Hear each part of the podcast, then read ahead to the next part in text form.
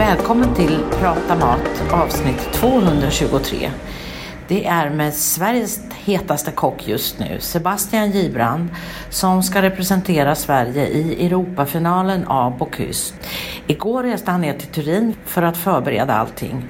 Nästa tisdag den 12 juni kliver han in i tävlingsköket. Då ska Sebastian Gibrand tillsammans med sin komi Gustav Leonard göra den allra godaste maten under ledning av coachen Tommy Myllymäki. Lyssna på intervjun som handlar om mental förberedelse, fysisk träning och vägen fram till den optimala gastronomiska skapelsen. Hör honom berätta hur allt i hans karriär var ett steg på vägen för att nå Bocuse.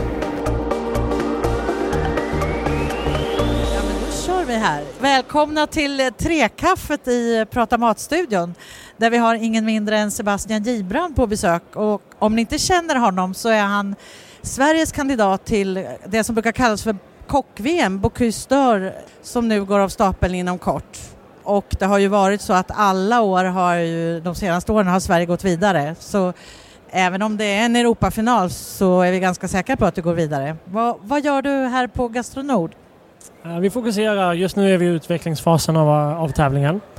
Eh, så vi fokuserar på att ta fram våra rätter och eh, förbereda oss, se till att allting blir lite, lite bättre. Och snart går vi in i tävlingsmode så att eh, försöka förbereda oss på bästa sätt. Och ni har fått veta tävlingsråvarorna som ni ska använda? Ja, det stämmer. I januari fick vi första tävlingsrätten och då var det kalv, kalvbräss och ris. Eh, och för ett par veckor sedan fick vi reda på tävlingsuppgift nummer två som är ost och ägg och 50% grönsaker. Och det var det är inte så att du plockar med vilket kalvkött som helst eller vilken ost som helst. Det är väldigt eh, specifikt. Hur, vad är det för eh, råvaror? Var kommer de ifrån? Ja, det är väldigt specifikt. I och med att det är Turin och de är väldigt stolta eh, för sina producenter och sina råvaror. Som har något som DOP-klassat, de är ursprungsklassade, att de kommer från just det området.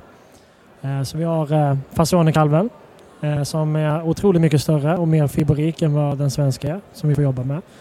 Och sen har vi ju eh, ost Castelmaggio som vi måste jobba med på den vegetariska. Och också en specifik bondost som är just från det här området. Lite annorlunda än det vi hade hoppats på. Vi stod faktiskt och hoppades och tränade med svensk kalv. Så vi var ganska glada i början att det blev just kalv. Men det blev en liten överraskning när vi fick se den här kalven. Vad är det som skiljer kalv mot det kött som du hade tänkt dig? Ja, men framförallt är det fibrerna och storleken. Alltså en svensk filé ligger ungefär på ett, ett, eller ett kilo, ett och ett halvt. Den här är uppe till fem kilo. Och eh, otroligt mycket större. Större också hela djuret. Det är upp till 24 månader. Vilket vi i Sverige inte ens klassas som eh, kalv. Utan det är ungnöt i Sverige. Det gör att eh, strukturen och tillagningssättet det blir en helt annan approach än vad man har gjort på en svensk. Ja, det, det, jag föreställer mig att det inte är ett så mört kött då som om det hade varit kalv, eller? Ja, det är snarare precis, precis tvärtom faktiskt. Uh, man kan äta det med sked. Hur kommer det sig? Ja, men det är så himla mört och just att det är innerfilén, att uh, den är så himla stor. Det gör att den är, och de äter den nästan i Italien och i Turin bara som uh, tartar. Aha, så hur har du angripit det här då? Ja, det var faktiskt en lång process. Man är ju så van vid att uh, titta på de tillagningsteknikerna som man är van vid. Uh, man utgår från råvaran, tittar på temperaturerna.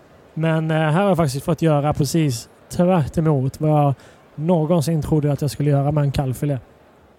Vilka är det i teamet? Det är ganska garvat gäng runt omkring det. Vi kan väl börja med din komi? Han heter Gustav Leonard. Han har faktiskt varit med och tävlat väldigt mycket. Bland annat juniorlandslaget och han och jag tillsammans har varit med och tävlat i World Skills där jag var coach och han tävlande.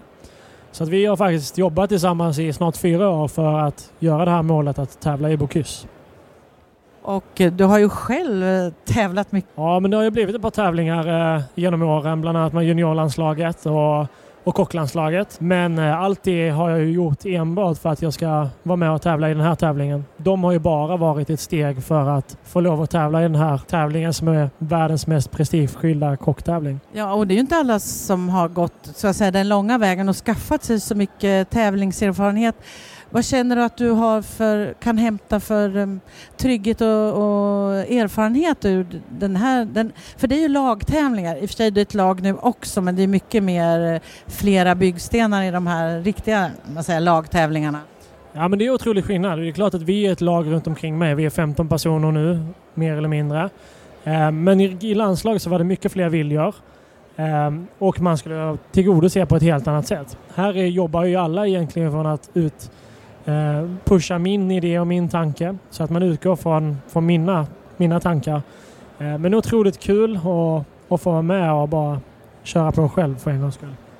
Och, och, hur mycket bestämmer du? Hur mycket är det dina idéer och som bestämmer? Är du, liksom, eh, är du kapten som pekar med hela handen? Nej men det skulle jag inte säga att jag är. Det är klart att man ju har sin tydliga åsikt.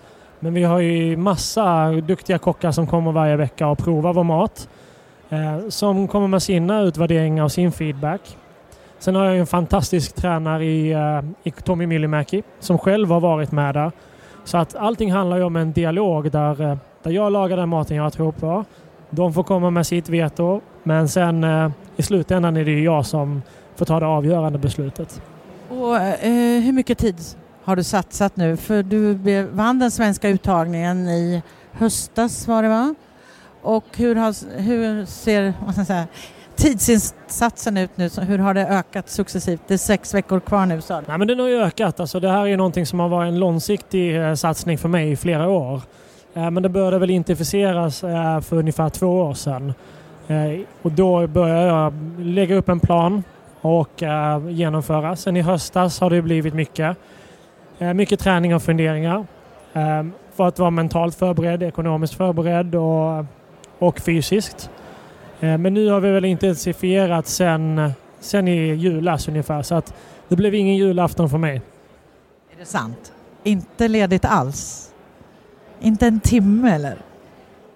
Nej, alltså det om man lever sin dröm och, och det här är det största man kan vara med om så vill jag inte förpassa den för att jag sitter, sitter och öppnar julklappar som jag inte ens tycker om. Då är det bättre att göra något jag tycker är roligt. Och, eh, har du sett andra tävlingar? Har du varit nere på Bocuse några gånger eller någon gång? Men jag har varit nere och kikat och det är fantastiskt bra erfarenhet att man har sett det på plats. Man vet vad som väntas. Man eh, får inga överraskningar. Men för mig är det som jag sa med, med den tävlingserfarenheten man har just att man har varit med om tävlingarna och förberedelserna, publiken och allt det här gör ju att man har skapat sig ett, allt tillsammans ett lugn som gör att jag, jag känner mig ganska bekväm med att tävla faktiskt. Och det mentala du pratar om, du pratar om ekonomisk förberedelse, det är en stor satsning privat också även om man har eh, sponsorer. Men det mentala, hur, eh, hur tränar du det? Nej men det är ju framförallt att man hela tiden försöker hitta lösningar på om man har någon låsning. Jag har använt mig av eh, Jonas Fransén som var min tidiga lagledare i kocklandslaget som är fantastiskt duktig på att, att jobba med det här. Så han hjälper mig otro, har hjälpt mig otroligt mycket att ta fram de här egenskaperna. Och det är väldigt bra att ha den här för man blir väldigt ensam och det är ju som jag sa den ekonomiska. Vi, jag har ju hjälpt med sponsorer med råvaror men men att få betala hyran, det får man ju hitta på andra sätt. Hur visualiserar du det här att gå in på arenan nu? I, vilket datum är det? Det är juni, ganska tidigt i juni. Har du en bild där i, som du somnar med kanske? Ja, men det är, det är jätteviktigt. Jag jobbar otroligt mycket med det mentala. Det är ju att man ser sig tävlat. Alltså redan innan jag åker ner till tävlingen så har jag ju gjort den tävlingsdagen kanske hundra gånger och gått igenom varje moment. Det är någonting som man har tagit med sig att kroppen känner inte riktigt skillnad på om du gör det fysiskt eller du gör det mentalt. Gör man det mentalt tillräckligt många gånger så har du faktiskt kroppen lärt sig att känna igen de här tävlingsmomenten och allting. Så att det är ju någonting som ju längre tävlingen kommer att gå och ju mer man vet man ska göra för att laga format, ju bättre blir förberedelserna. Men det är klart att det finns en målbild av att vi ska stå väldigt högt upp på pallen. Ja, du är väldigt inriktad på att ni kommer till Jon. Det mm, dit ska du bara.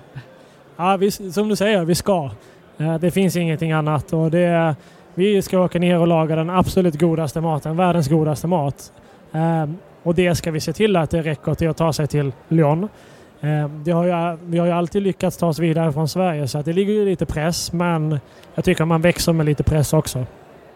Och vet du någonting om eh, de tuffaste konkurrenterna? Vi har ju våra kära eh, grannländer är ju tuffa och nu har ju Finland också sällat sig till det. Danmark åkte ju faktiskt ner ganska eh, mycket senaste finalen i Lyon. Va, vet du någonting om dina konkurrenter? Du kanske till och med har tävlat mot dem i de nordiska sammanhangen och i världs, andra världsmästerskap? Ja men det gör man. Man känner ju otroligt många även på ett privat plan så att eh, framförallt Norge har jag en god kontakt med. Vi diskuterar men det handlar om att för mig är det inte så viktigt vad de andra gör. För att det är bara en distraktion av vad jag ska fokusera på. För mig är det viktigaste att, att titta, analysera och förbättra min prestation snarare än att snegla åt vad andra gör. Jag tror lägger energin på rätt ställe och fokusera på det. Och en kock som befinner sig i träning mot eh, den här den största kocktävlingen, största individuella kocktävlingen. Vad äter du? Eh, jag äter det min PT säger till att jag ska äta. Eh, han, han hjälper mig att se till att jag för en eh, kostdagbok och jag fotograferar allt jag äter. Eh, för att jag tycker att allt jag kan göra för att få den lilla fördelen på tävlingsdagen, för the big moment, det, det ska jag göra. Så att han ser till att jag är fysiskt förberedd.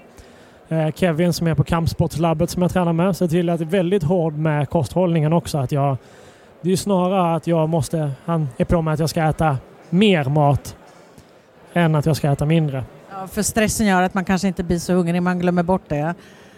Ja, men lite så är det. Framförallt när man står i matos eller så här. Men även om det är en god, härlig miljö så någonstans så blir man inte hungrig om man är så fokuserad. Det är viktigt att ta de här breaken och få se kroppen och hjärnan med, med näringsämnen så att man, man har energi så att man orkar med. För det är många timmar vi ska stå och, och tävla. Det är många dagar kvar så att vi ska åka hela vägen. Och den dagen, alltså, det finns inga, som jag minns när jag ser det, är inga pauser för att, för att äta då, utan man går på och sen jobbar man, jag kommer inte hur många timmar det är nu, hur ser det, passet ut? Ja, det är 5 timmar och 35 minuter. Men innan dess har vi två timmar man får förbereda och lyfta in all sin utrustning. Eh, och innan dess så ska man ju packa allting på den platsen i det köket man står och förbereder. Så att totalt kommer ju tävlingen handla om från start till mål med städning och allting ungefär 12-15 timmar. Då måste man ju vara, vara förberedd liksom på alla plan, energi, allting. Så det är faktiskt väldigt viktigt att äta och få i sig energin. Sen kan det ju vara i, i form av en gel eller någonting annat som är lite mer lättsmält. Men det är väldigt viktigt att få i sig det här. Det låter lite Vasalopp över det här med gel och sådana lång, långdistansuppladdning. Ja, men det är exakt så jag ser det. För jag körde, var, jag körde Vätternrundan förra året. Jag ett par kompisar som sa, man märkte ju direkt när man är ute och cyklar så länge att man måste ju kontinuerligt få i sig energi. Så att det tar jag faktiskt med mig från Vätternrundan där man kämpade 10 mil som var fantastiska men 20 mil pannben då lär man sig att man måste få i sig energi. Ja, jag såg just det är mycket löpsedlar på kvällstidningar och andra tidningar på det här är supermaten om du ska bli smart. Har, har du upptäckt, fått tips eller sett någon ny råvara eller livsmedel som känner det här gör mig så på topp? Någonting nytt kanske? Nej, inget nytt, så det är lite common sense. Så att, eh, god, eh, ärlig mat, eh, naturligt, eh, mycket grönsaker, protein. Det, jag tror det är en balans. Liksom, att så länge man vet man med sig att det är nyttigt och gott, då kommer det vara bra. Sen kan man ju addera ingefära eller något annat som så bara berikar med det där lilla extra. Liksom.